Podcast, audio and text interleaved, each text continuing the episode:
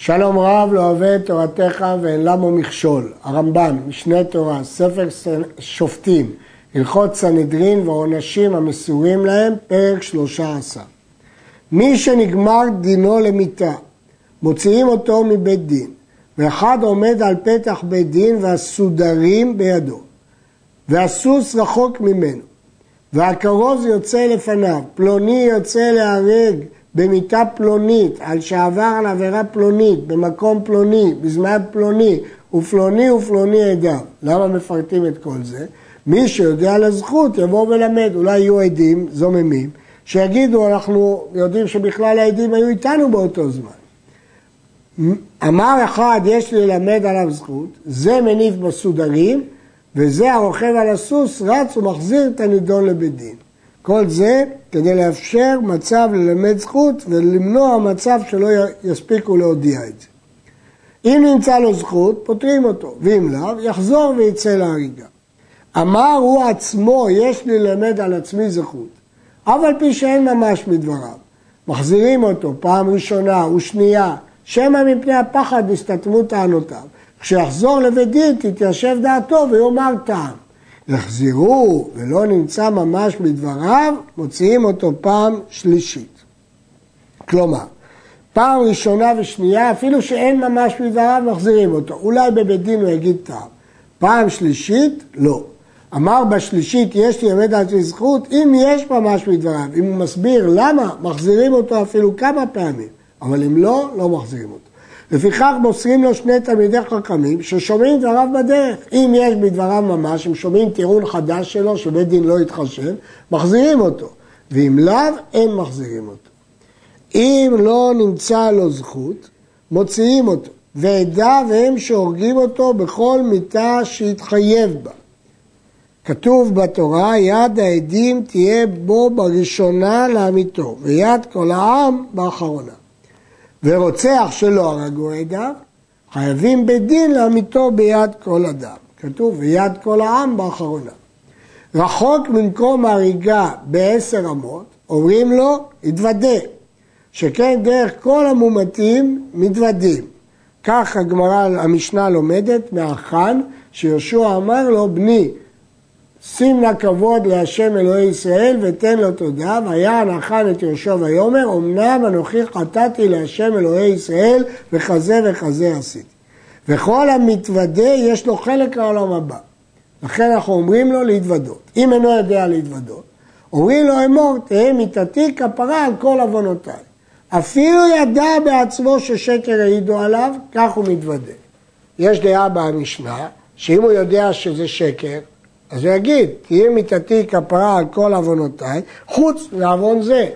אבל אמרו לו, אם כן, יהיו כל אדם אומרים כן כדי לנקות את עצמם, ולכן הלכה כרבנן. יש אומרים שבספר המצוות הרמב"ם לא פסק כך, כי הוא אמר שם אה, שאינו חייב להתוודות כשידע שאין לו חטא. ואחר שמתוודה, משקים אותו כורת של לבונה בכוס של יין, כדי שתתערף דעתו עליו וישתכר, ואחר כך ייהרג במיטה שהוא חייב. כתוב, תנו שחר לעובד ויין למראה נפש. אז נותנים לו שחר עם קורט של לבונה כדי לשקר אותו. זה היין והלבונה והאבן שיסכל בה הנסכל, והסייף שיהרג בו הנהרג, והסודה שחונקים בו הנחנק, והעץ שתולים עליו הנתלה, והסודר שמניפים בו לפני הוגי בית דין, והסוס שרץ עליו להצילו, הכל באים משל ציבור. כל הכלים האלה באים משל ציבור. ומי שרצה להתנדב, יתנדב. אם יש מי שרוצה לנדב אותם, מנדב. אין בית דין יוצאים אחר הנהרג. בית הסקילה צריך להיות רחוק מבית דין, למה? כי איכי דלא מתחזה בדין רוצחים, שלא יהיה בדין רוצחים, כך כתוב בתורה, ויוציאו את המקלל מחוץ למחנה. וכל בית דין שהרגו נפש אסורים לאכול באותו היום.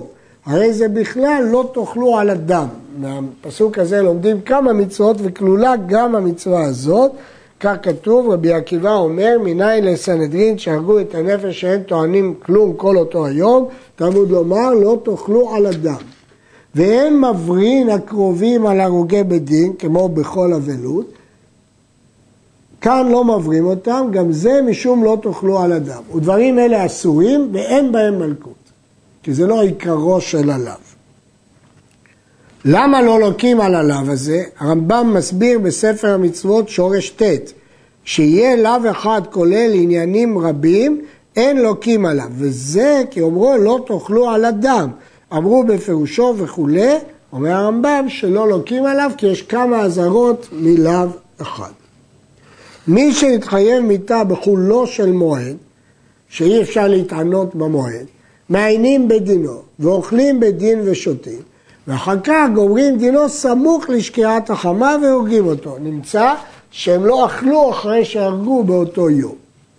הרוגי בדין, אין מתאבלים עליהם, ובאים קרוביהם ושואלים את שלום העדים ואת שלום הדיינים, להודיע שאין בליבם עליהם כלום, שדין אמת דנו. ואף על פי שאין נוהגים אבל, הרי הם אוננים עליהם, שאין ענינה אלא בלב, ולמרות שהם הרוגי בית דין, אז יש צער. הרמב"ם בפירוש המשנה אומר שכפרתם של הרוגי מיתות בית דין הוא משהתעכל הבשר, ולכן עד אז אין אבלות, ואחר כך כבר האבלות נדחתה.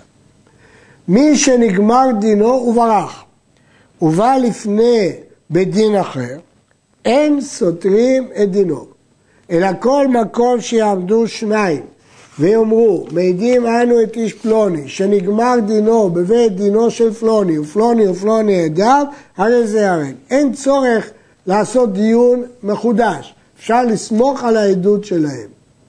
במה דברים אמורים? ברוצח.